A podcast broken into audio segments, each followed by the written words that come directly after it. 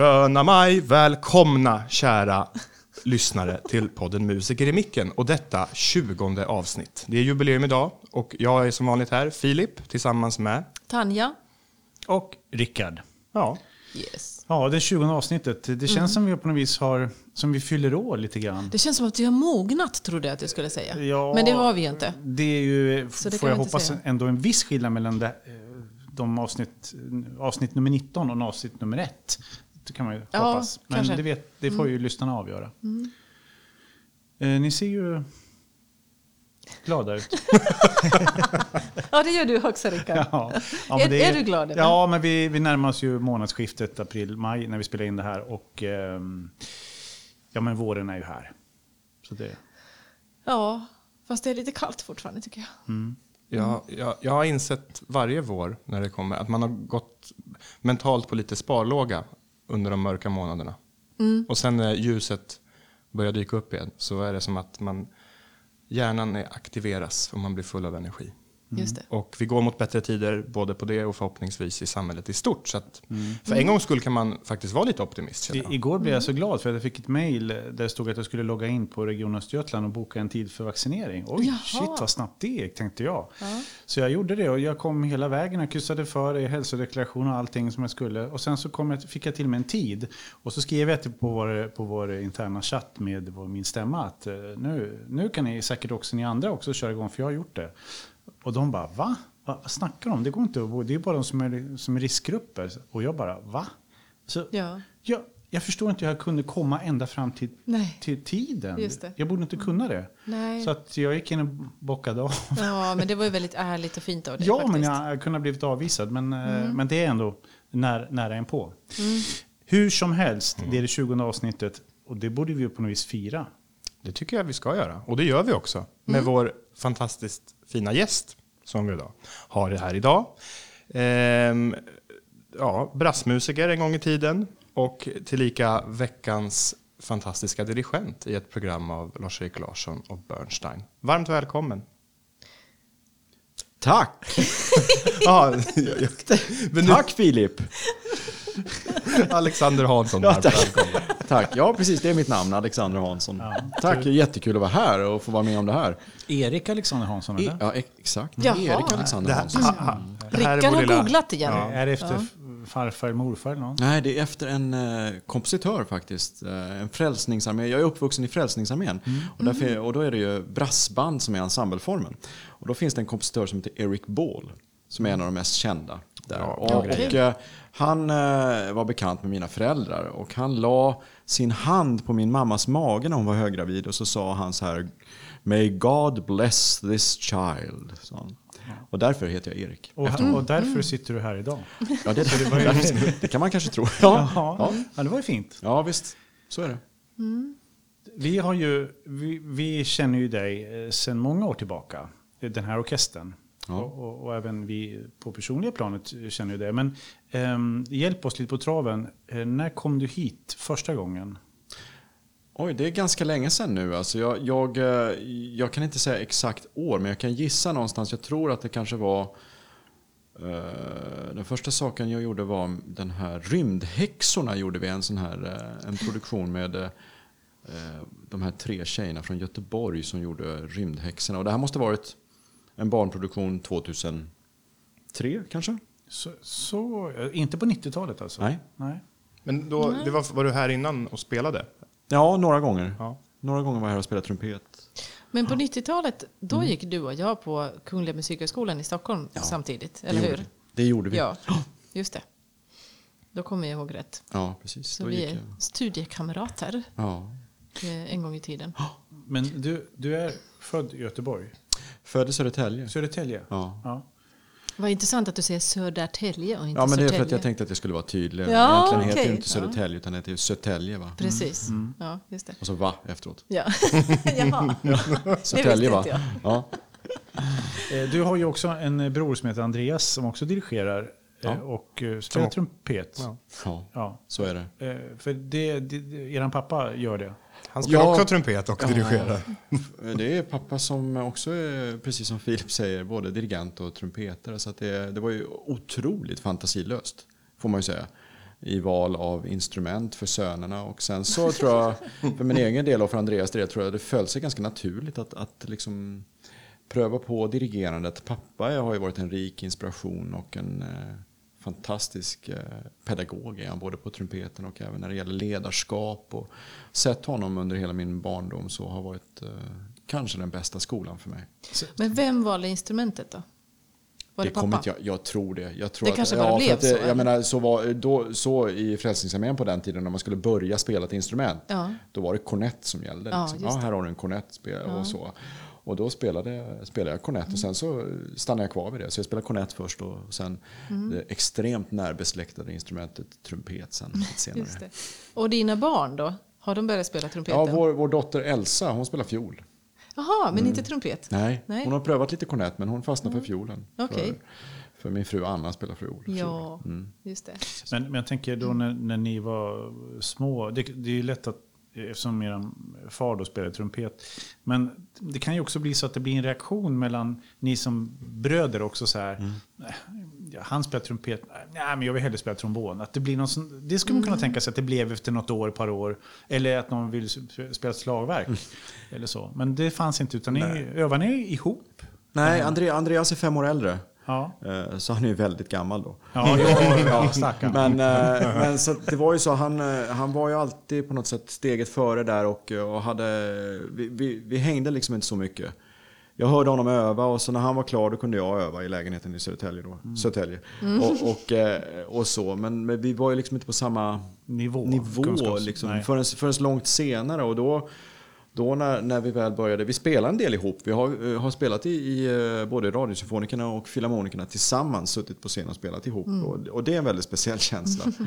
Att spela med Andreas var alltid väldigt roligt för vi, vi behövde inte säga så mycket till varandra. Just utan det. det, vi förstod varandra direkt. Liksom. Jag har hört många rykten om att ni båda var väldigt bra på att spela. Ja, Så att ja, det är en roligt att eh, höra. förlust för trumpetbranschen. Ja, men kanske nej, en men- vinst för dirigerings-Sverige istället.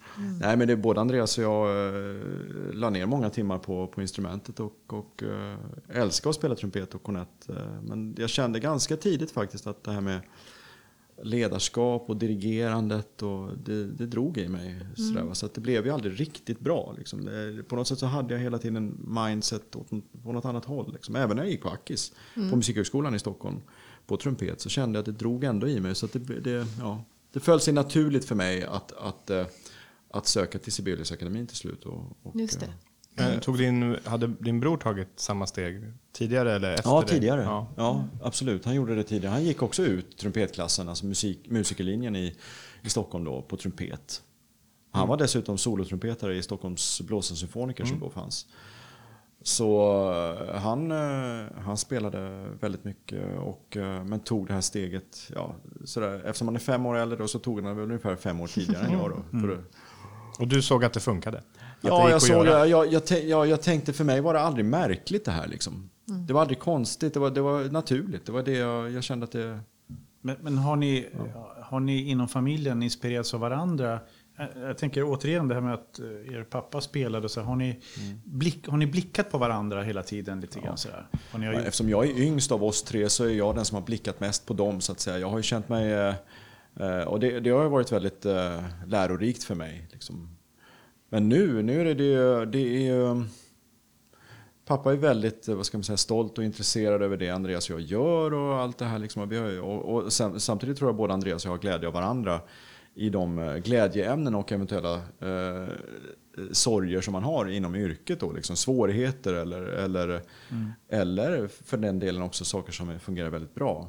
Där man kan ge varandra tips och, och det finns också förståelse för situationen. För att det är ett väldigt speciellt yrke. Jag skulle du säga att ni coachar varandra? Ja, På ibland. ett familjärt sätt? Ja, Ja. ibland. Det tycker Ja, jag. jäkla Norrköping, jag vet inte vad jag ska göra med dem. Jo, du ska ta, lyfta ut trumpetarna från scenen, då blir det skitbra. Någon sån grej liksom. Nej men, nej, men det är klart att vi pratar om de olika ställena vi har jobbat på. Sådär.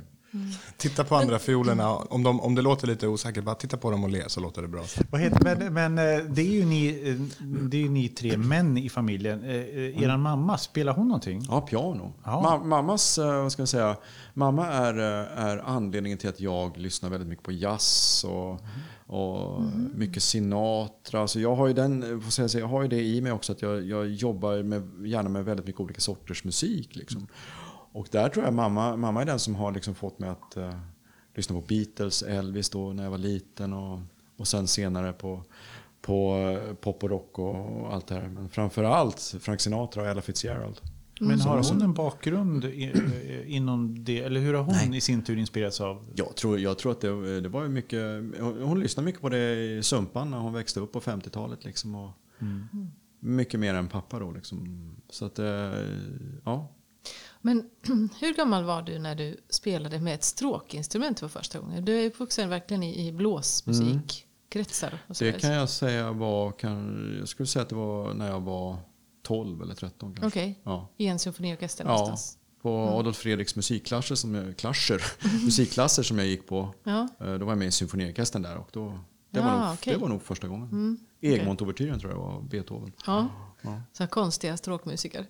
Nej, men det, ja, nej, jag kände inte så. Ja, Liksom. Det, nej. men det, det är olika världar. Men det, Men det kändes också naturligt. ja, det liksom. gjorde det. Ja. Och framförallt att musiken var så fantastisk som man kom åt då. Liksom. Mm. Just det. Mozart, Beethoven, liksom, Just det, Det är ju- precis. På en eh, våldsamt hög nivå. Men, men, men jag är lite nyfiken på det här. Vad det är som gör att... För du sa att det här med dirigerandet eller ledarskapsdelen fanns med tidigt. Vad var det som gjorde att du på något- drogs dit eh, och lämnade till slut då trumpetspelandet? Vad var det som gjorde att du ville åka till Sibeliusakademin och allt det här, ta lektioner och hela faderullan? Jag tror att mycket av det har med att göra att när jag satt och spelade i olika ensembler så kände jag att jag, jag hade, inte att jag sa saker, men att jag hade ganska mycket åsikt eller kände att det här skulle, jag, det här skulle vi kanske kunna göra på det här. sätt. Ja, alltså att jag, att jag satte mig in i den rollen som, som dirigent, alltså även när jag satt och spelade. Liksom. Och då kände jag att det, det drog i mig just det där att kunna påverka på det sättet. Då. Eh, Det är två väldigt olika jobb, olika roller liksom, för, att få, för att få maskineriet att fungera. Eh, Ja, det, är väl- det är väl det, det, det kan jag säga. Det, och det kände jag också när, när jag jobbade i, alltså som trumpetare och frilansare och, och jobbade i orkestrar och sådär. Om man, om man fick tillfälle att spela Waroffer av Stravinsky eller en Mahler-symfoni eller någonting. Då var jag minst lika intresserad av allt annat eh, utöver min trumpetstämma. Liksom. Jag hade partituret med mig och sådär. Men det kan ju vi också känna, om Ja. jag får tala för oss alla tre. Att eh, ibland så vi, när dirigenter gör grejer så jag alltså, men så här ska man, jag skulle ju göra så här, tänker man. Så här, men den drivkraften, eller den tanken var då hos dig då betydligt starkare kanske än den är hos mm, de flesta. Helt enkelt. Ja, eh, jag, jag, fick väl också tillfälle att börja dirigera väldigt tidigt, liksom, eller väldigt tidigt, men också än en gång tack vare Frälsningsarmén. För att då, då blev jag ledare för Frälsningsarméns musikkår i Södertälje då. Och, eh, som var väldigt många. Eh, Vi var 36 stycken. Och då, hade jag ju, då var jag 19 år och blev ledare för den gruppen. Och det var medelålders män och kvinnor som, som eh, som hade sina arbeten, som kanske hade en, en chefsposition i sitt, eh, sitt yrke. Liksom. Men när vi kom och skulle spela tillsammans så var det jag som var chefen. Liksom. Så det var också en väldigt bra skola för mig. Eh, Dels att, att repetera en gång i veckan med en ganska bra amatörmusikår. Liksom. Och det här gjorde jag ju när jag gick på Musikhögskolan på trumpet. Då. Eh, När jag samtidigt frilansade som trumpetare. Men det är jag väldigt tacksam för också. Jag, eh, för då fick jag också en, vad ska man säga, muskler att, att, att dirigera, att, att kontinuerligt göra det. Liksom. För det kräver ju, vi har ju inget instrument vi dirigenter Nej. att öva på. Liksom. Men jag hade det då under den tiden, eh, innan, innan jag började på Sibeliusakademin. Hur, när bestämde du dig för att... Alltså du bestämde dig, nu ska jag satsa på dirigering. Men när kom steget att bestämma sig för att lägga trumpeten på hyllan? För det måste ju ändå, något som man har investerat så pass mycket tid Eller har du gjort det? Lagt den på hyllan? Ja, det har jag. Jag spelar lite då och då. Jag övar lite kornett, spelar lite eh, då och då. Men jag kan säga Filip att jag bestämde mig faktiskt när jag, när jag väl tog mig in på Sibeliusakademin där jag hade Leif Segerstam som, som lärare. så kände jag att okej, har jag tagit mig in på den här utbildningen på dirigering, då, då måste jag satsa på det här. Liksom. Så att jag bestämde mig nog då, Okej. eh, faktiskt. Och när var detta? 2001 var det. I januari började jag där. Och då bodde du i Finland? Ja, Nästan i i alla fall. Helsinki. Ja. Eller pendlade På du lite? Nylandsgatan. Ja. Nylandsgatan? Nylandsgatan. Ja. Uudemankatu. ja. Bra. Men, men, men det betyder alltså att när du var hos oss första gången, då var du student? Du, Ja, då gick då du gick- där fortfarande? ja, gjorde jag. Okej. Därför att det var så, om jag får minnas rätt, om jag minns rätt, att Andreas hade varit här, eh, din bror, eh, typ veckan innan eller någonting. Sen så kom du. Eh, eh, ni kom väldigt nära varandra Jaha, i, i tid där. Och eh, jag, jag vill minnas på att du hade så här, hade du långt hår på den tiden? Ja, det hade jag säkert. Ja, hade jag, jag. har ofta haft väldigt, eh, alltså... Och någon rutig skogshuggarskjorta och liksom skitiga jeans och, Och en yxa hade jag, Ja, men typ så här. Du var liksom ganska, du såg lite rockig ut på Ja. något sätt. Ja, ja det var Ja. im- imagen. ja, men det är jag. Ja, men, eh, Rocken du var väl det, helt enkelt. Eller Ja. är, kanske. Men du får ju ofta göra också program som, som du säger, som, som innehåller olika genrer av musik och så. Mm. Och, eh, ja, och det är ju väldigt roligt tycker jag. Du är väldigt bra på det. Jag tycker det är kul, speciellt när vi har de här produktionerna. Nu blev det klubben för inbördes beundran här i rummet, men när vi har de här produktionerna med gymnasieklasserna eller något liknande. Ibland kommer det eh, dirigenter som inte liksom tänker vem de pratar med. Det sitter tre 15, 16, 17-åringar som aldrig har suttit i en sal med en professionell orkester. Men du är så bra på att anpassa hur du pratar med och få alla att känna sig inkluderade. Jag tror att det, det är alltid intressant att se. Jag sitter, som trumpetare har man ju, som du minns, ett rikt inre liv för man har så mycket paus. Så då sitter man ju verkligen och tittar. Det är därför inte violinister byter till dirigering oftast. Men, så man sitter ju verkligen och, och tittar på allt som händer. Och jag tycker den här psykologiska aspekten av yrket är 90 procent nästan. På Den viss- är otroligt, tack för det Filip. Och det, och det, men det är, det är precis som du säger, just den, den eh, hur man hanterar en, ett kollektiv. Liksom. Vad man säger eller snarare vad man inte säger och vad det får för effekt. Om man säger någonting till vänster så kan man ju lita på att det hördes även till höger och då får det effekt där. Liksom. Så, att det, så det är ju väldigt, väldigt viktigt. Det är en sak att kunna hantverket, att, att liksom lära sig det här med att röra händerna på ett sätt som är begripligt och, och, in, och kanske till och med inspirerande och, och bra och effektivt. Men också vad man säger eller vad man inte säger. Så att säga. Så att det, Men eftersom du är utbildad i Finland, var det så att, att du mest lärde dig vad man inte säger då? ja, det kan man säga. Det var ganska det var hårda puckar, måste jag säga. Ja, okej. Ja, det var det. Alltså det var väldigt... eh, Och jag uppskattade det något oerhört. Eh, Det var, det var liksom eh, rak, raka besked. Liksom. Nej, det där, det där duger inte. Det där måste göra om. Liksom. Och Leif, eh, vår lärare, Leif Segerstam, var väldigt rak och tydlig. Men aldrig elak. Det var han inte. Nej. Upplevde inte jag det som. Utan han var väldigt effektiv och väldigt sådär... Det var väldigt bra för mig. Jag menar kanske att du, man kan alltid göra någonting bättre. Ja, och det gjorde ju också att, att när man väl fick beröm eller någonting, om han sa att någon fras i Patetik-symfonin av Tchaikovsky var bra, då blev man ju överlycklig. Liksom. Också. Eh, Så att det, det, det, ja, det var, för mig var det väldigt bra. Tycker du att det var stor skillnad mellan liksom sättet att undervisa och utbildningen mellan, mellan Stockholm och Helsingfors, eller Finland och Sverige? Liksom? Ja, det tycker jag faktiskt. Jag tycker att, eh, jag, jag, jag tycker att eh, för mig blev det så att när jag, när jag, i den åldern som jag var då, om jag fick för många valmöjligheter så gjorde jag ofta fel val. Liksom. Eh, Det blev, eh, jag behövde raka, lite stramare tyglar. Och det fick jag där. Och för mig var det också skönt att komma till en stad där inte, inte en kotte visste vem jag var. Just det. Det var blankt papper. Jag var ingens brorsa och ingens eh, son heller för den delen. Utan jag var Alex liksom, som kom från Stockholm. Det kan jag förstå. Det var, väl, det var väldigt bra för mig de fyra åren jag gick där. Eh, Jag skulle vilja ansluta till det Filip sa om dig när du jobbar typ med ungdomar och sånt där, som ju händer att du gör. Eh, du- vi gör ju samarbete med Musikgymnasiet här som du... Kan man, kan man säga att du ansvarar för den musikaliska coachningen? Ja, det, det är väl kanske att ta i för att jag tycker lärarna på gymnasiet gör ju ett Jo, enormt men från arbete. våran sida, så att säga, från Ja, absolut. härifrån. Jo. Att, Ja. ja. Nej, men ju- just det här att eh, du har, du har den här eh, ingången när vi gör de här samarbeten, att du, du kan vara väldigt bestämd och väldigt rak när du kommenterar en rytmisk grej eller någonting sånt där. Men sen så, mm, saken, det, det kanske det fixar sig och, och då ger du beröm. Så att du är konstruktiv i din kritik kan jag säga efter alla resor vi har jobbat tillsammans. När du, även till, till oss såklart, men framförallt när du jobbar med ungdomar. Du sitter och tittar där bakifrån Filip på din trumpet, men jag, vi sitter där framme och, och ser med våra fioler. Och, eh, det är en viktig aspekt det där, hur man tar folk, hur man tar ungdomar precis just i det steget av livet när de behöver ha eh, inspiration, men också kanske lite eh, bestämd. Det är, bala- det är en balans det där tror jag. Men det är lite samma sak. Alltså, när, man är, när man är där mellan 15 och 20, då är man ju oftast väldigt egocentrisk. Inte egoistisk, men man, utgår, man är väldigt självmedveten. Självcentrerad. Ja, och det är samma sak med en, om, du, om, man- om, om det är en symfonisk, en vanlig vecka. Att folk kanske har tittat på sina stämmor och vissa har solon och utsatta ställen. Och är väldigt fokuserade på vad man gör just då.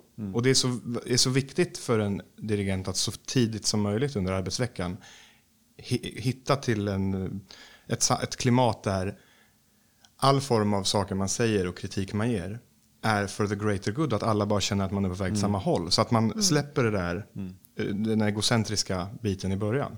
Och fokusera på själva musiken. Ja, precis. Absolut, någonstans, är det låter ju klyschigt det här, men någonstans gör ju vi det här tillsammans. Liksom, eh, dirigent och orkester. Liksom. Och då måste man också, om man har till exempel soloinpass så, så, så sker det någonting som är övertygande och fint och härligt som jag kanske inte riktigt, eh, som kanske inte hade varit mitt val, mitt första val i hur man fraserar eller hur man gör.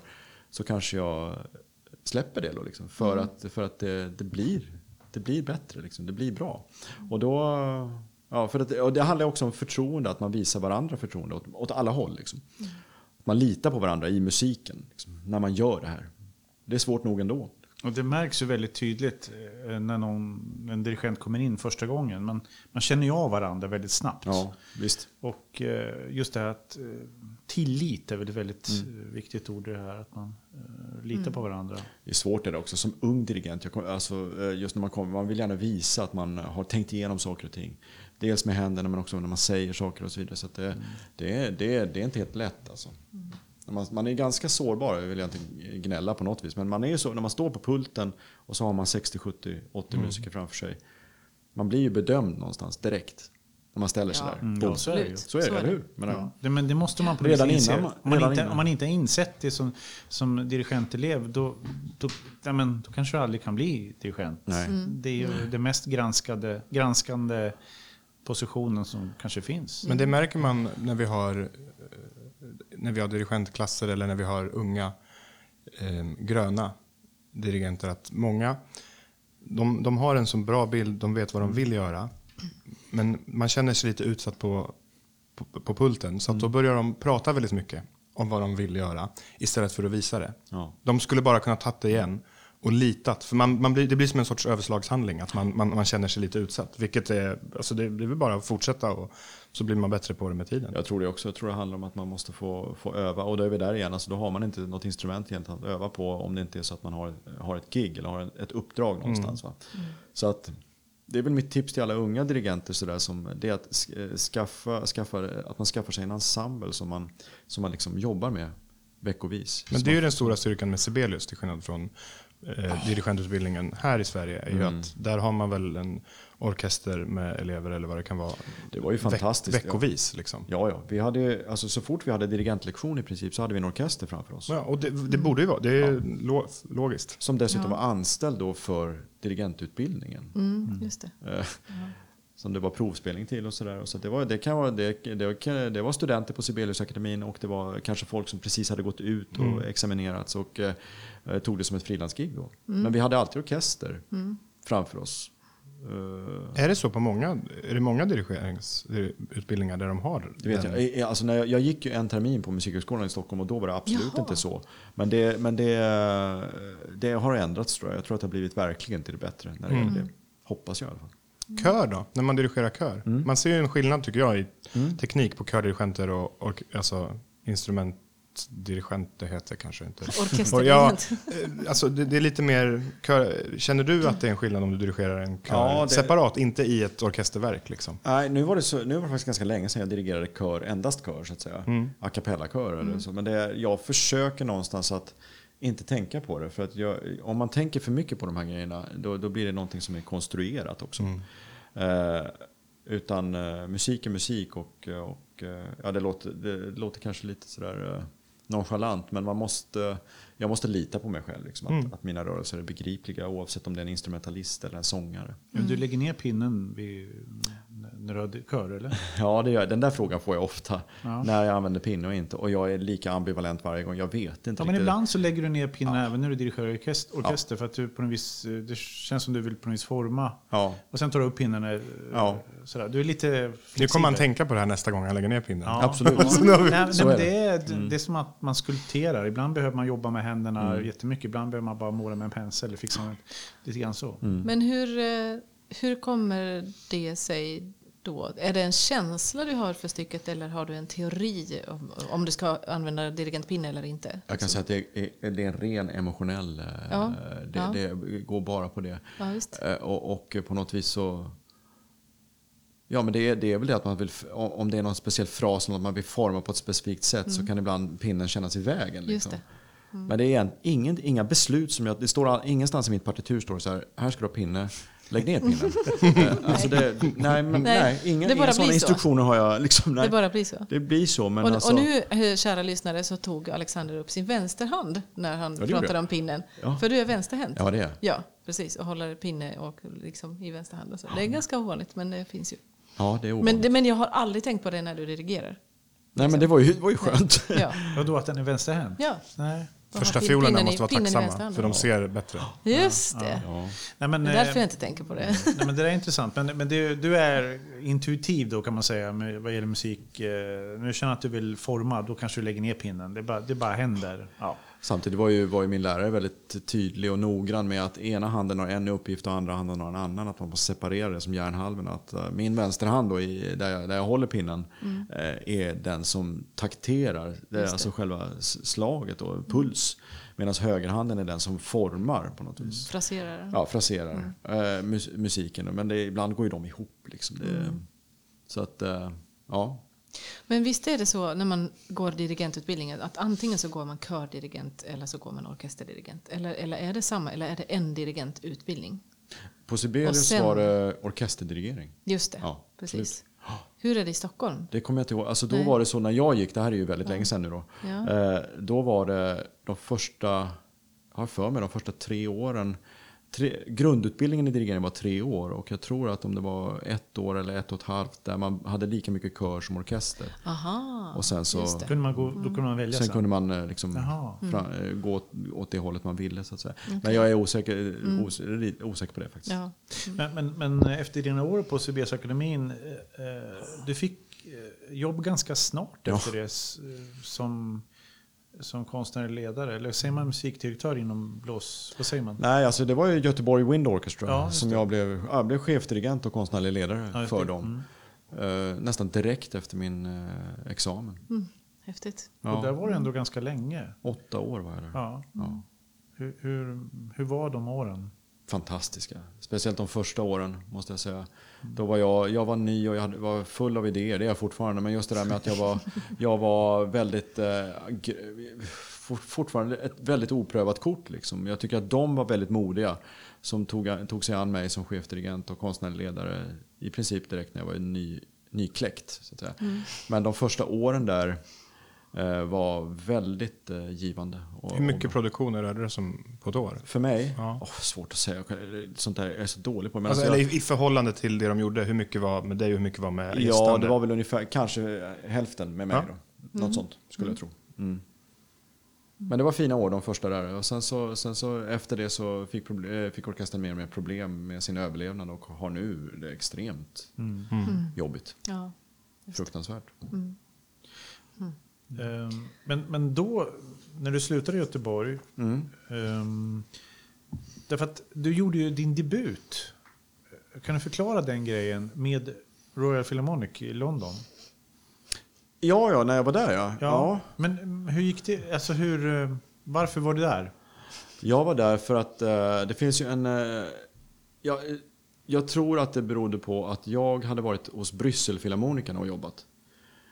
Och eh, så gick väl djungeltrumman eh, någonstans i Europa sådär. Och så skulle Royal Philharmonic göra en konsert i London med musik av eh, gitarristen Django Reinhardt. Och så hade väl de snackat producenterna med varandra. Ja, vi hade en svensk kille här hos oss. Testa honom. Typ så. Och då gjorde de det. Så det var, Hur kändes det då när de ringde? Eller Det kändes väldigt, väldigt Yes, äntligen. Nej, men häftigt att komma till en sån orkester och i London också. Eh, Där kan man snacka om att de var effektiva. Jag skulle haft, eh, vi, brukar för en produktion så brukar vi repetera kanske två, tre dagar innan konsert. Liksom. Det är det normala. Men jag fick en repdag och sen konsert. Och så ringde min agentur till mig och sa så du Alex, eh, repdagen är inställd. Va? sa jag. Ja, nej, de, för de kommer hem från turné från USA då, kvällen innan så att vi, de, de hinner inte. Nähä, Okej, nej, du får göra allt på en dag. Och då var det ett helt nytt program, eh, arr som de aldrig hade spelat. Så kom jag dit eh, till salen och såg att de satt och spelade lite. Och sen så hade jag ett rep på fyra timmar och sen var det konsert direkt. Men det där är ju det Londonorkestrarna är bäst Ja, de, är så, de läser ju Ja. otroligt bra, Ja. otroligt snabbt. Och så var det någon som spelade fel, så räckte de upp handen direkt. De räckte upp handen och bara, ah, det var jag, förlåt. Jaha, Ja. Det kommer inte hända igen, förlåt. okej. Så att man vet att det Så inte var fel i så. stämman. Ja, Liksom. Just det, precis. Så, att, just det. så att, eh, för att motverka att, det- ja, för att det skulle bli mer effektivt. Liksom. Ja, Men- men- för att inte använda tid till diskussion. Vad var det som var fel? Liksom. Exakt. Ja. Men i det läget, när det är så tajt, då får man ju verkligen som dirigent lägga bort eh, prestige och kanske sådana här tankar om att det ska vara lite svagare i andra reprisen. Sådär. Ja. Utan då måste man bara smacka in och se till att det funkar, eller hur? Eller? Ja, men sådana där produktioner råkar jag ganska ibland ut för och det tycker jag är kul. Alltså när man måste vara pragmatisk och man måste vara liksom lösningsorienterad. Att det ska, eh, saker och ting ska funka snabbt. Liksom. Men det var det jag tänkte fråga. Hade du kul i London? Ja, Ja, jag hade våldsamt roligt Ja, faktiskt. vad det kul. var eh, kanonkul. roligt. Mm. Jag har gjort ganska mycket roliga eh, jobb i, just i Europa, i Bryssel och, och Mm. i eh, London och andra ställen också. Så, Ja. så att, ja. Jag tänkte, jag Kul. tänkte komma till det, för att du nämnde ju Bryssel och det är ett ställe som du, du är ju ganska ofta. Men, men också eh, andra orkester, Rotterdam.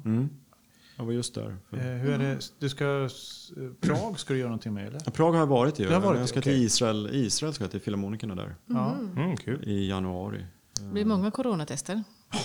Det blir. Nej, men, så att det, men Prag har jag varit i hos Pragradion där. Och, och så, och, eh, och, Hur var det då? eh, Är det någon skillnad i olika länder? Ja, verkligen. Kulturen och stämningen på podiet? Till saken hör att jag, eh, den produktionen som jag gör runt omkring i Europa det är tillsammans med en, eh, en kontrabasist som heter Avishai Cohen. Mm, som är det. jazzbasist som är helt magnifik. Och där eh, gjorde, den konserten gjorde jag, första gången jag gjorde den konserten med honom och hans trio, det var med Brysselfilharmonikerna. Och efter det så fick jag frågan ifall jag kunde göra eh, dem, alla hans konserter med olika orkestrar. Då. Och det kan jag inte, utan jag väljer russinen ur kakan då. Eh, och det känns jättekul. Ja, det förstår jag. Så vi har precis spelat in en skiva med, med era kollegor i Göteborg. eh, Two Roses heter den. Ja, precis. Vad sa du? Two Roses. okej. Så den spelade vi in, eh, precis säger jag, det är ett år sedan vi spelade in den. Den har kommit ut nu då. Just det. Precis innan corona eh, bröt ut så spelade vi in den skivan och gjorde konserter. Och då hade jag gjort den här produktionen med honom och hans trio i, på, på olika ställen. I Prag och i Wien och Essen i Tyskland och, och Malmö och, och sådär. Va? Så att, eh, Jag, vill, jag vill verkligen ehm, eh, tipsa om det, Avishai Cohen, för, för dig som lyssnar, att eh, gå in och, på någon plattform och eh, lyssna på hans grejer. För han, man, rätta mig om jag har fel, men ska man kunna säga att han har en väldigt färgrik jazz-approach, alltså i sin... Det händer grejer hela tiden, väldigt melodiskt och Ja. lättlyssnat låter ju fånigt, men det är det på något sätt.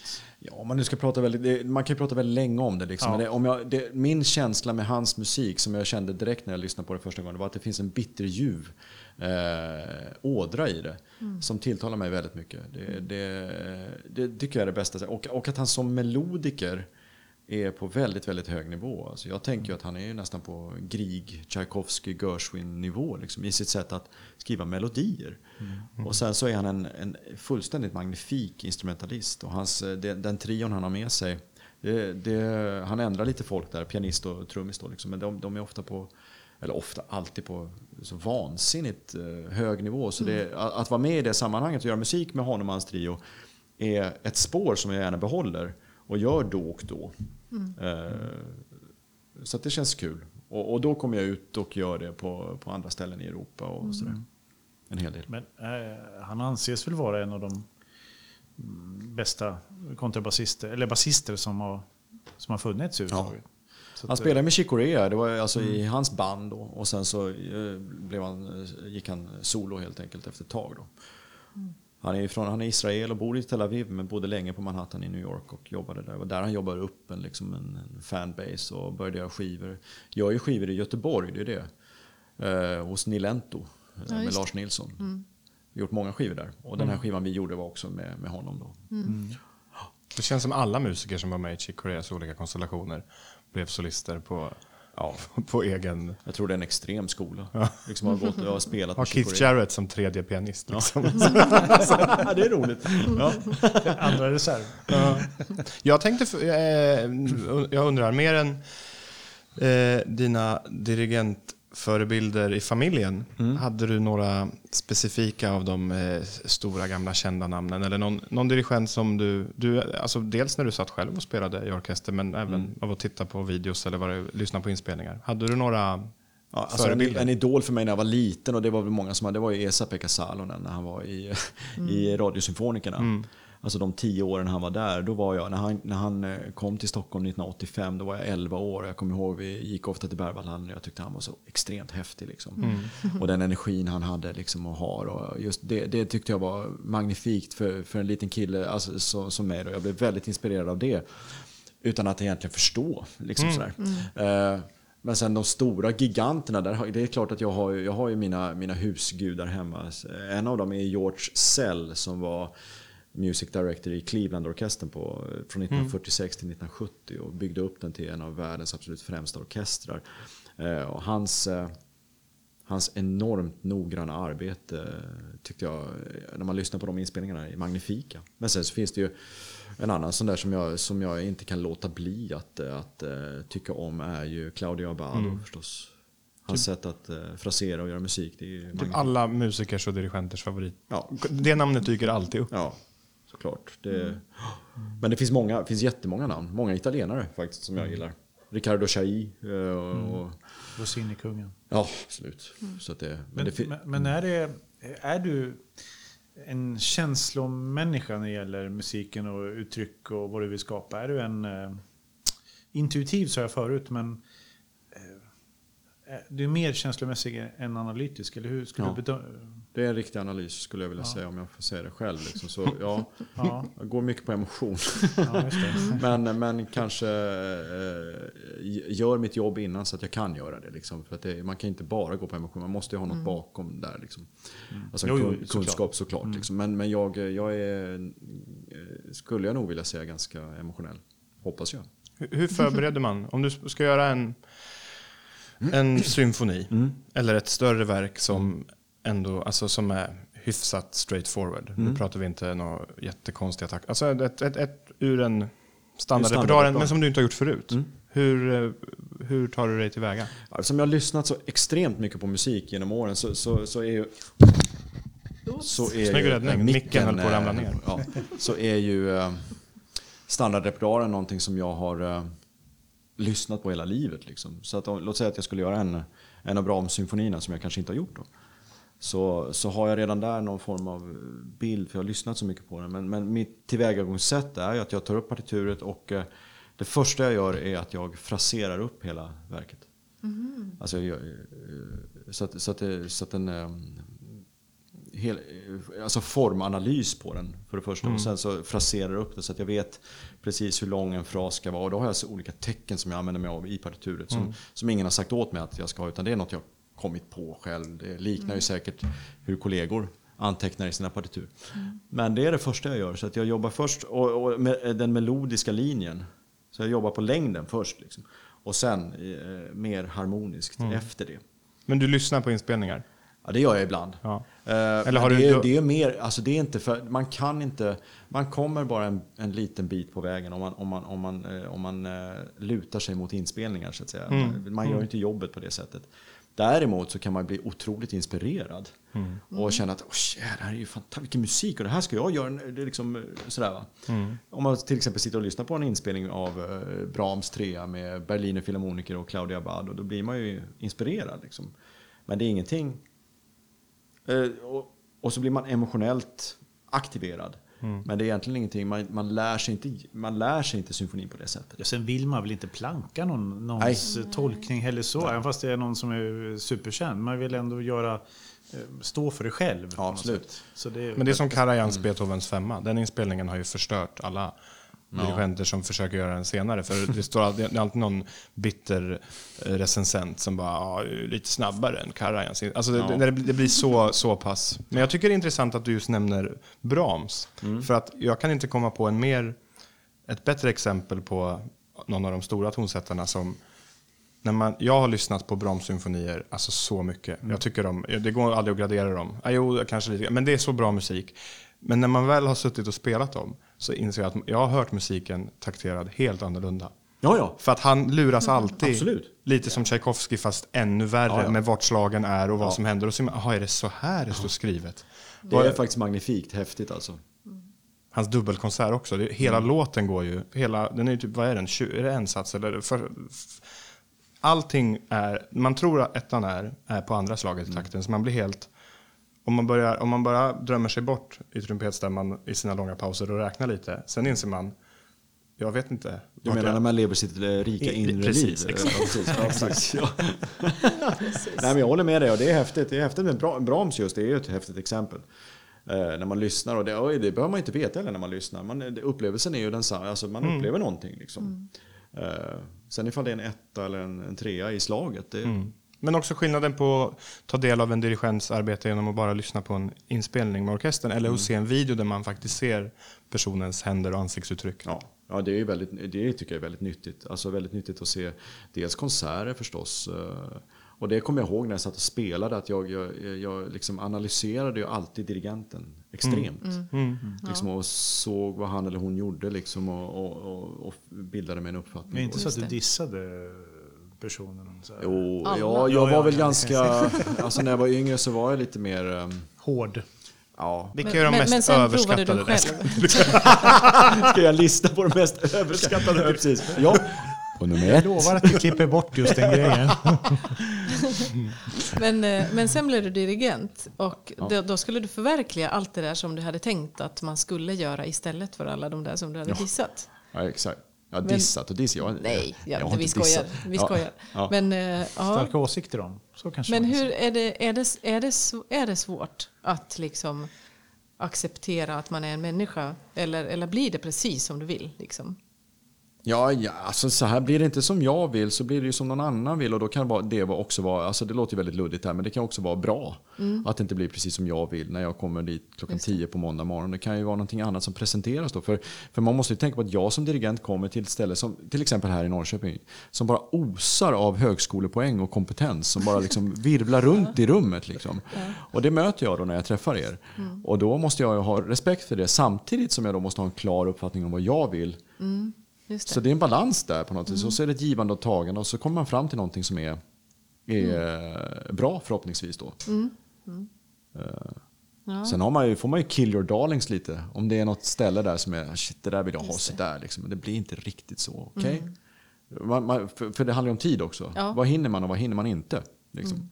Just det. Att man där tänker okej nu är klockan två, vi slutar om fem minuter. Jag kommer inte hinna ta det där stället en gång till. Precis. Och då får jag acceptera att det blir så. Ja. Liksom. Men eh, du har varit, du har varit professionell trumpetare och, och, Mm. och nu är du professionell dirigent. Så du har liksom haft två karriärer. Eh, jag kommer att tänka på det här med trumpetares rika inre liv. Alltså eh, allt stillasittande och pausräknande. Men är det, är det stor skillnad på hur trött du är efter en repetitionsdag när du, när du spelade trumpet i en orkester och jämfört med att du står där framme och ska vara den som är aktiv hela tiden? Ja, det- Jag ska vara helt ärlig så, Ja. så har jag svårt att komma ihåg riktigt. För att det, Ja, det var ju visst. så länge sedan jag spelade faktiskt. Ja, Det var ju jag förtvivlat länge sedan. Jag vi börjar bli, jag börjar bli så gammal nu också. Ja. Jag tror han var så himla trött så han orkar inte komma ihåg det ens. Nej, men det, jag, Säger trumpetaren. Nej, ja, nej. det jag kan känna är att efter en operaföreställning eller efter en musikalföreställning, till exempel på Göteborgsoperan där jag har varit jättemycket, så är man ganska mosig efter det. Liksom. Samtidigt som det är svårt att somna. Just det. Eh, Så att För det, att hjärnan är ja, man är, på man är i spinn liksom. Ja, just det. Så att det där är, det är inte helt sunt. Nej. Inte. Men det, det får man ju f- förhålla sig till. Jag tycker att jag har blivit bättre på att eh, hantera det. Och varva ner det. Ja, i, eh, precis.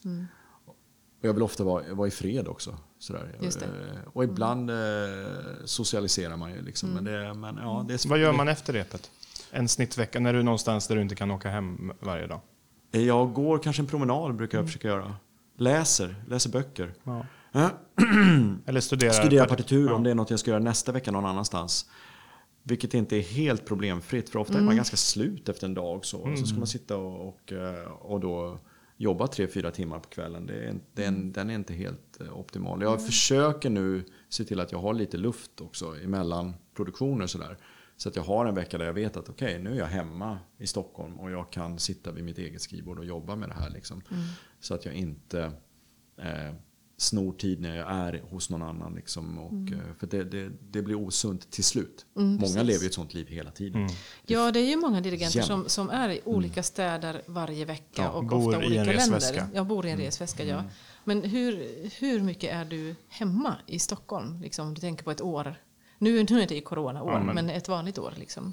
Jag skulle säga 50-50 skulle jag säga. Okej. Ja, kanske, kanske lite mer borta än hemma. då. 60-40, något sånt. Där. Nu höftar jag vilt Ja, jag när jag säger det. Men jag försöker, eh, eh, försöker se till att vara hemma. Och, och, och, eh, och, och det är klart det är jätteskönt när jag har jobb i städer som är nära hemma också. Om jag jobbar i Stockholm eller om jag jobbar i Örebro eller, eller här i Norrköping eller Västerås. Eller, eller vart det nu kan vara någonstans. Då kan jag faktiskt åka hem så att jag är hemma på kvällen. Och sen kan jag åka morgonen efter tillbaks. Men nu är det ju chefdirigent nere i Karlskrona. Då blir det Ja. lite längre. Ja, det blir längre. Ja. Absolut. Just det. Men innan, innan Karlskrona var också en sväng i, i Norge. Ja, Nordnorge var jag i. Ja. Uppe i Harsta. Försvaret i Norge har fem stycken professionella orkestrar. Väldigt bra orkester. Ja, absolut. Och en av dem är uppe i Nordnorge som numera heter Härens eh, musikkorps, alltså arméns musikkår. Det är typ, vad är det, typ lite söder om Tromsö? Nej? Ja, det är mellan Tromsö och Boda. Alltså det, är- det är långt, långt, långt, långt, långt norrut. Halv, halva året utan natt, halva året utan Ja. sol. Men det är magnifikt Ja. vackert. Det är otroligt vackert där uppe. Eh, Hur, hur lång eh, arbetsresa hade du från Stockholm till Ja, det, var, Harstad? det var ju det som var lite problemet tyckte jag faktiskt. För att jag, först skulle jag ut till Arlanda hemifrån då. Sen skulle jag eh, flyga till eh, Gardermoen i Oslo. Och sen var det lång väntan och sen var det flyg upp till Nordnorge. Eh, och sen efter det var en lång bussresa från, från flygplatsen Evenäs då in till Harstad. Så för att Narvik och Harstad delade flygplats. Så att eh, Okej. flygplatsen ligger lite långt ifrån bägge ställena. Liksom. Men hur många timmar tog det liksom Ja, det sammanlagt? tog ju, vad kan det ha tagit? Alltså, till, Ett halvt dygn? ja, något sånt. Ja, Ja. shit. Så Ja, det är lite en bit. väl tycker jag. Och det orkade bara två år där. Ja, faktum var att det var, det var ju så här, jag trivdes jättebra. En jättefin orkester och vi gjorde bra grejer ihop. Och, och framförallt blåsorkestrarna i, eh, i Norden, både civila och militära, är ju inte bortskämda med bra akustiska förutsättningar i konsertsalar utan lever Okej. ofta ett liv som är va, lite sådär. Va? Så ta, ta GVO till exempel som i alla år har varit i Kronhuset i Göteborg. Som är ett fantastiskt hus men rent akustiskt och rent eh, eh, som orkestersal är den tämligen eh, eh, ska säga, dålig skulle jag säga faktiskt. Och det gäller för många blåsorkestrar. Okej.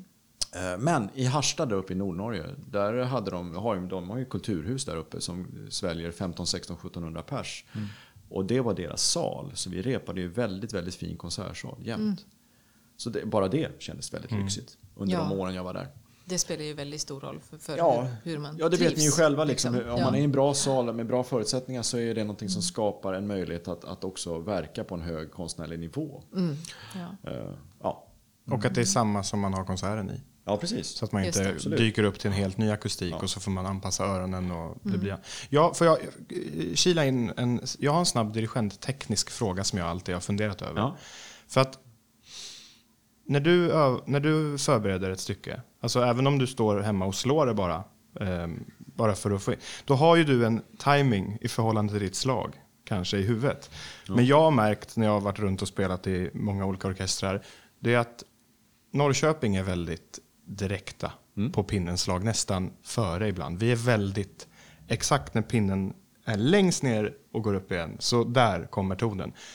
Medan andra orkestrar är lite längre bak. Och tittar man på hovkapellet som måste eh, ha sångare, och alla de kan ju vara två sekunder efter Mm. ibland. Men ändå spela ihop. Är det svårt som dirigent? Att, Ja, att det det är blir helt annorlunda?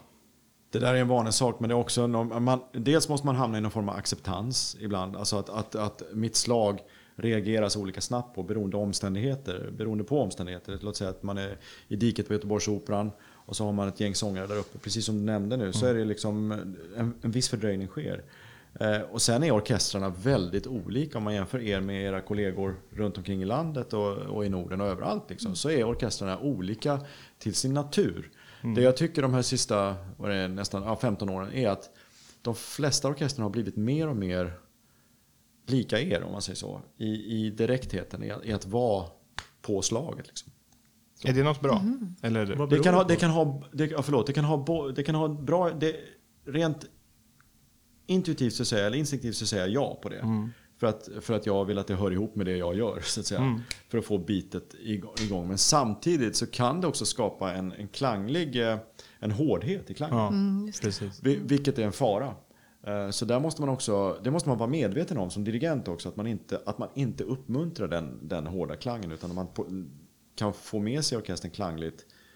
eh, På mjuka starter Ja, också. Och så. mjuka start, men, men att man ändå är i time tillsammans. det. liksom. Det är kul när man ser, det finns ett klipp som du säkert har sett med, Bern, med Bernstein och vinarna Mahlers femma. Och då slår han ut, att, att, att, han slår ut alla toner i sin hand. Och så kommer de en halv takt efter, eller typ två och en halv sekund efter. Och jag har suttit och tittat på den några gånger och insett att alltså, skulle kunna ha varit när som helst. Ja just det, när Tutti-orkester gör det. Nej, nej bara, Bara även när trumpeten? första trumpeten Ja, ja, gör det. Och, och det, det sitter inte ihop alls. Jag tänker så här, ja, men, då, då gör ju dirigenten någonting mer av att, av att visa förväntningarna på vad som kommer att ske. Mm.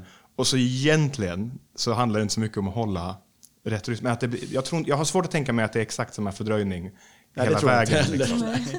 Nej. Ja, det, det, och det beror också, ska jag säga, beroende på vilken musik man gör. Mm.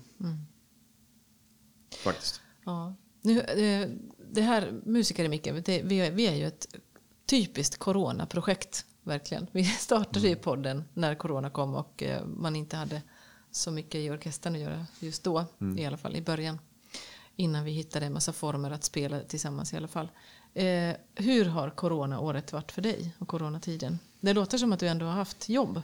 Och Ja. fri, det är ju inte alla frilansare som har det så. Nej, det, är ju, det är, har ju varit eh, en otroligt eh, jobbig situation för väldigt många. Men jag, jag kan väl säga att jag har, har ändå haft det otroligt bra, måste jag säga. Jag har haft, haft, haft jobb. Eh, inte så mycket som jag skulle haft annars, men, men Nej. eh, ändå helt okej. och jag är väldigt, väldigt tacksam och glad för det. Ja, Så jag har varit runt och dirigerat på olika ställen. Sen har jag också, det har vi inte kommit in på, men jag har ju en fast anställning också.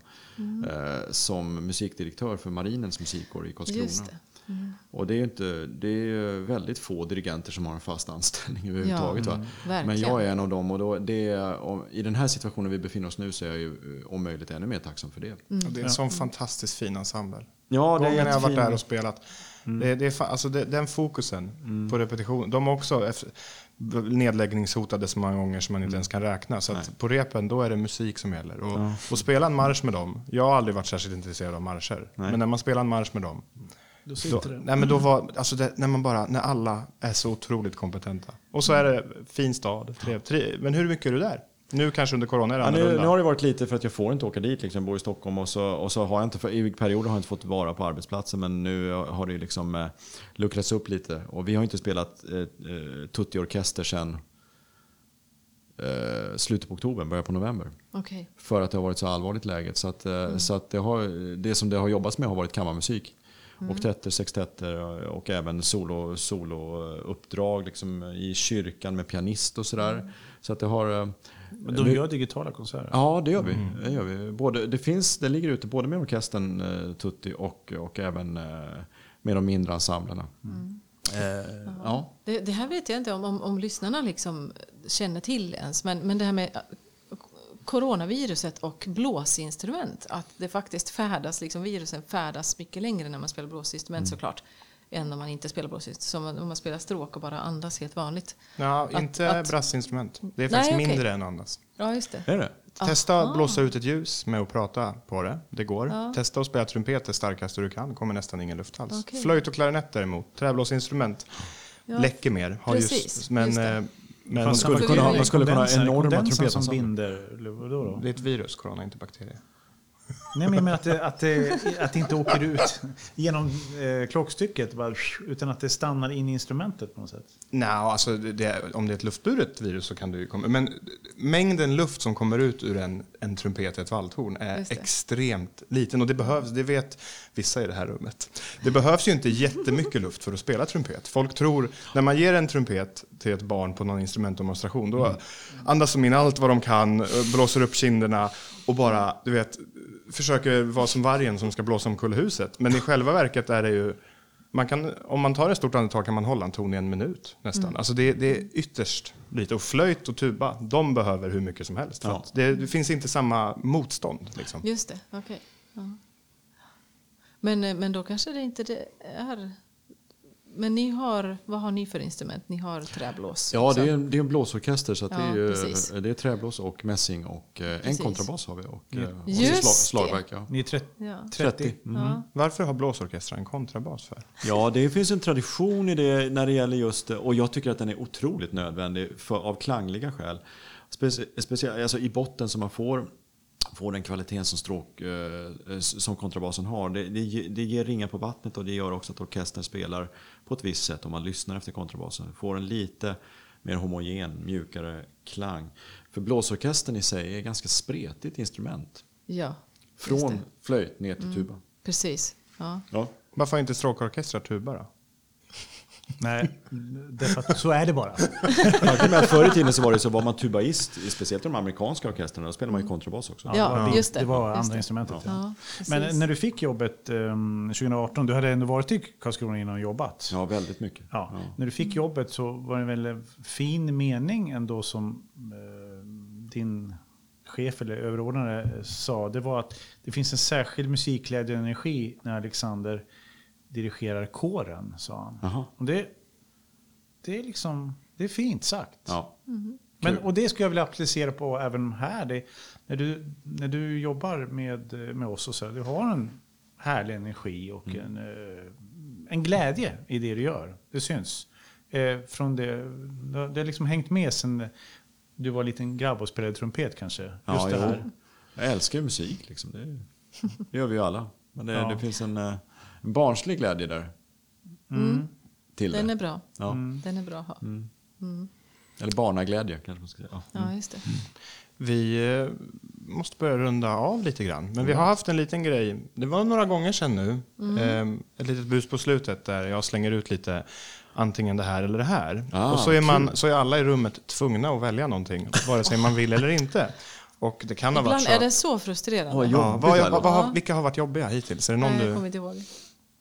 Nej. Men vi, vi tre har också haft olika åsikter. Ja. Ja, verkligen. Det kan ha varit så att någon av de här, det är svårt att komma på nya. Så att det 20 kan ju, avsnitt ändå 20 avsnitt.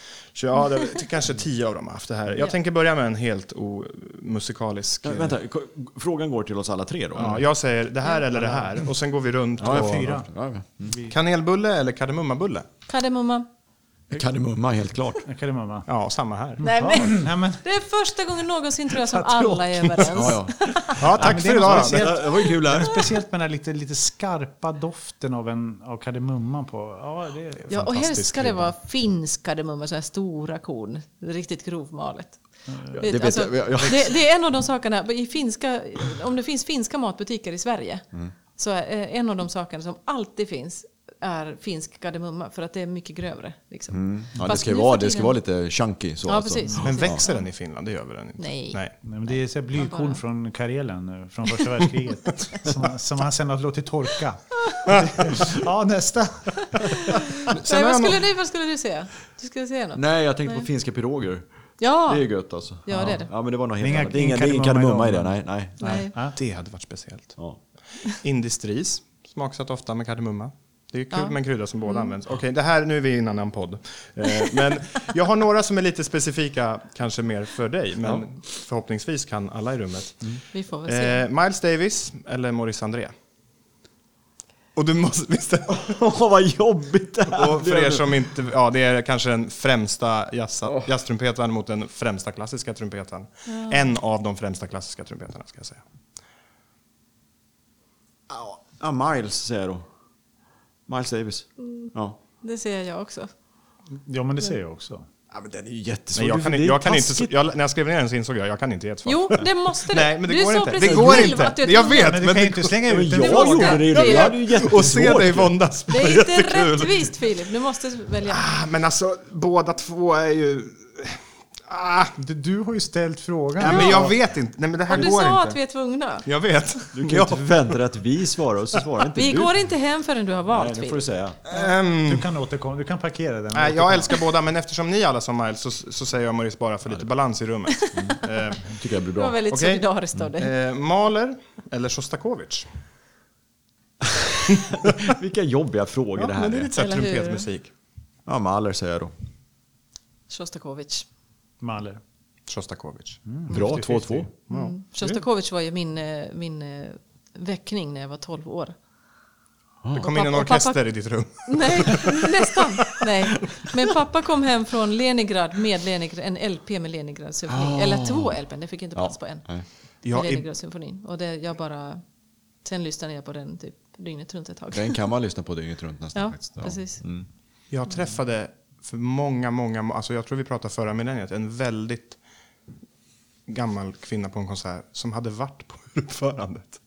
Jaha. Nej. av den. Hon, hon var supergammal. Vilket år? Jag, det är nästan som den gången man var, jag var i Venedig en gång och hade en konsert. Och så ringde en eh, dirigent som ledde Södertälje amatöropera. Ja, ja. Giovanni Imperlizere. Precis, fantastisk man. Och, och han, bara, och han ringde, hej kan du komma och spela på den här operan nästa vecka, vi behöver hjälp. Jag bara, jag är ledsen, jag, jag, kan vi höras några dagar? Jag är, jag är i Venedig och på väg till Stravinskys grav. Ah, jag var på hans begravning, hälsa! Min pappa tog med mig. Nej. Så den. Ja, roligt. Ja. Ja, okej. Ja. Nästa, den här är för svår för stråkmusikerna. Men du måste välja en. Brassband eller blåsorkester? Nej, måste jag verkligen det? Det blir bara svårare. Jag, trodde, jag tyckte det där med Miles och Andreas Ja, den, var- den var värst. Ja, men det här, alltså... Ja, blåsorkester säger jag då. Jag säger faktiskt blåsorkester, trots att modersmjölken är brassbandet. Vad skulle pappa säga om det där? Han får inte höra det här. Eh, ja, nej, jag säger blåsorkester. Ja, vill, vill ni ha en åsikt i Ja, frågan? jag ser faktiskt brassband. Jag tycker det är otroligt häftigt. När det är bra. Rickard, du vet vad vi pratar om nu? eller? Ja, men, jag bara, det, men det är ju distinktionen. Jag, Det är ingen Ja, men det- kontrabas i brass. Han fick någon jag- också så här stråkorkester eller symfoniorkester. Den höll vi på med en Ja, bra stund Ja, ja. nej, men jag säger blåsorkester. Alltså jag, jag säger faktiskt, jag är på Tanjas sida och säger brassband. Ja, härligt. 2-2 där med. Ja. Alltså. Ehm, och sen har jag en specifikt för dig faktiskt. Ehm, Vad kul. alltså de andra, en, du kommer till en orkester som du inte har varit hos förut. Om du är tvungen att välja en totalt undergiven orkester eller en kaxig och ifrågasättande orkester med personlighet. Alltså du vet, det finns ju lite olika Absolut. känslor i ett rum. Om du var tvungen att, att ta någon av extremerna. Nej, men då, liksom. då tar jag nog den här kaxiga orkestern. ja. Ja. Absolut. Det tycker jag är roligare. Då får man lite att tampas med. Får, får, man, ja, får man fråga varför? Nej, men just för att om det finns, då finns det, då, den här undergivna, vad sa du? Totalt? Ja, totalt undergivna. Där känns det som att då vill de ens spela, känner jag. Mm. Men den här andra orkestern, där finns någon vilja att göra någonting. Liksom, och så, Nej, men de vill bara ha en ledare som bara och göra exakt. Och ja, nej, men det, nej jag, jag gillar när andra tar initiativ också. Mm. Men, när, du, när du åker till andra orkestrar i Europa och sådär, har, du en, eh, har du, du en kaxigare attityd än när du är i Sverige och jobbar? Är du liksom mer bestämd, som jag uttrycker mig, liksom lite mer... Nej, jag, alltså jag försöker, det låter också klyschigt, men jag försökte faktiskt, faktiskt vara mig själv, var jag än är. Liksom. Det, alltså det, och och, och, och uh, vara tydlig bara. Tydlig med instruktioner och så vidare. Sen så kan man ju möta på patrull eller... Och det, men det är ganska sällan alltså. Bara man är övertygad. Jag känner för min del, bara jag är övertygande, övertygande i det jag gör och, och klar instruktioner och, och, och så, så, så brukar det gå bra. Det finns ju lite forskning på att vi, personer som är flerspråkiga, att man, byt, man byter lite personlighet när man byter språk. Känner du att det blir någon skillnad när du repeterar på engelska? Nej, men från och med nu kommer jag ju tänka på det. Man säga. Filip. Tack. för Jag, jag har hört att man byter hand. Man blir högerhänt om Ja, man är man det vänsterhänt om man börjar prata. Ah, du ska inte tro på, på, på allt vad Filip säger. Ibland stämmer det. Men det finns faktiskt forskning på det. Gör det det? Ja, det finns det. Ja, Ehm, det ja, alltså jag känner ju det såklart. Men, men jag har inte läst någon forskning. om det. Men det var intressant faktiskt. så det fanns Man, jag bryter, men det har, ju- det har vi pratat om i den här podden också. Att, att man ofta byter röstläge Ja. också. Jag, jag pratar ju typ en kvintlägre när jag pratar finska. Gör du det? Ja, ja, just det. Ja. Finska kvinnor pratar mycket, mycket lägre röst. Alltså inte lägre volym utan på, med lägre, mörkare. lägre toner. Mörkare. Ja. Kan vi Ja, höra ett exempel? Eh, Det var det finns. No, det finns. No, kun ei tiedä, että mitä helvettiä tässä nyt sanoisi, niin se on tosi vaikeaa. Åh gud, det är vackert Det, alltså. är- det är lågt. Visst är det vackert? Det är lågt. Nej, är nej, alltså, lå, alltså Lå- så låg nivå alltså. mörkt. Behöver vi prata, Rickard? Var det där, var det där sista? Det, det var faktiskt sista. Men jag ska bara nämna det. Det finns också flera musikologer som har lyssnat på all Händels musik. Och ser en stor skillnad i hur hans fraser var uppbyggda. Från att han pratade tyska till att han flyttade till London. Och att, alltså, att man, rytmen av språket man använder mest färgar Spännande. hur, hur, vad heter det, vad kallas det? Um, satsmelodi. Ja. Och hexameter och de där Ja, grejerna. precis. Olika sådana där. Ja, kul. Ja, det borde varit någon mer som var normal, som inte hade med musik att göra. Jag vet inte. Nej, men nu, har Semla ganska bra. eller eh, pistagebulle, jag vet inte. Det får jag höra. Nej, men nu tror jag lyssnarna vet exakt vem Alex Hansson är. Ja, det, jag hoppas det alltså. Kommit närmare Det sanningen. där med Miles Davis och det där. Ja. Ja, men nu. Tänk, vad, vad skulle Maurice André säga till dig? Ja, jag vill inte ens tänka på det. Jag ska, jag ska hedra honom med att lyssna på några skivor när jag kommer hem. Så, på honom. Men Ja. vi måste uppmuntra alla där hemma. Och eh, jag vet inte när konserterna eh, som vi, vi spelar in imorgon kommer ut. Men det Nej, är musik av. Lars-Erik Larsson, det är pastoralsvit va? Ja. Och så är det ett eh, för orkesterns brass och slagverk tillsammans med, en, eh, med, med stor hjälp av ett stort gäng antal frilansare som är här och hjälper till ska vi spela en svit ur West Side Story Yes. som är riktigt kul. Missa inte någon av dem säger jag. Nej. Nej, det blir fint. Och tack för att jag fick vara här. Det var jättekul. för att du Ja, men tack för att du kom hit Kul. Ja. Alex. Och Ja, eh, tack, lycka Alex. till i din fortsatta gärning. Tack. Och välkommen Detsamma. tillbaka. Mm. Tack. Hej hej! Hej. Hej.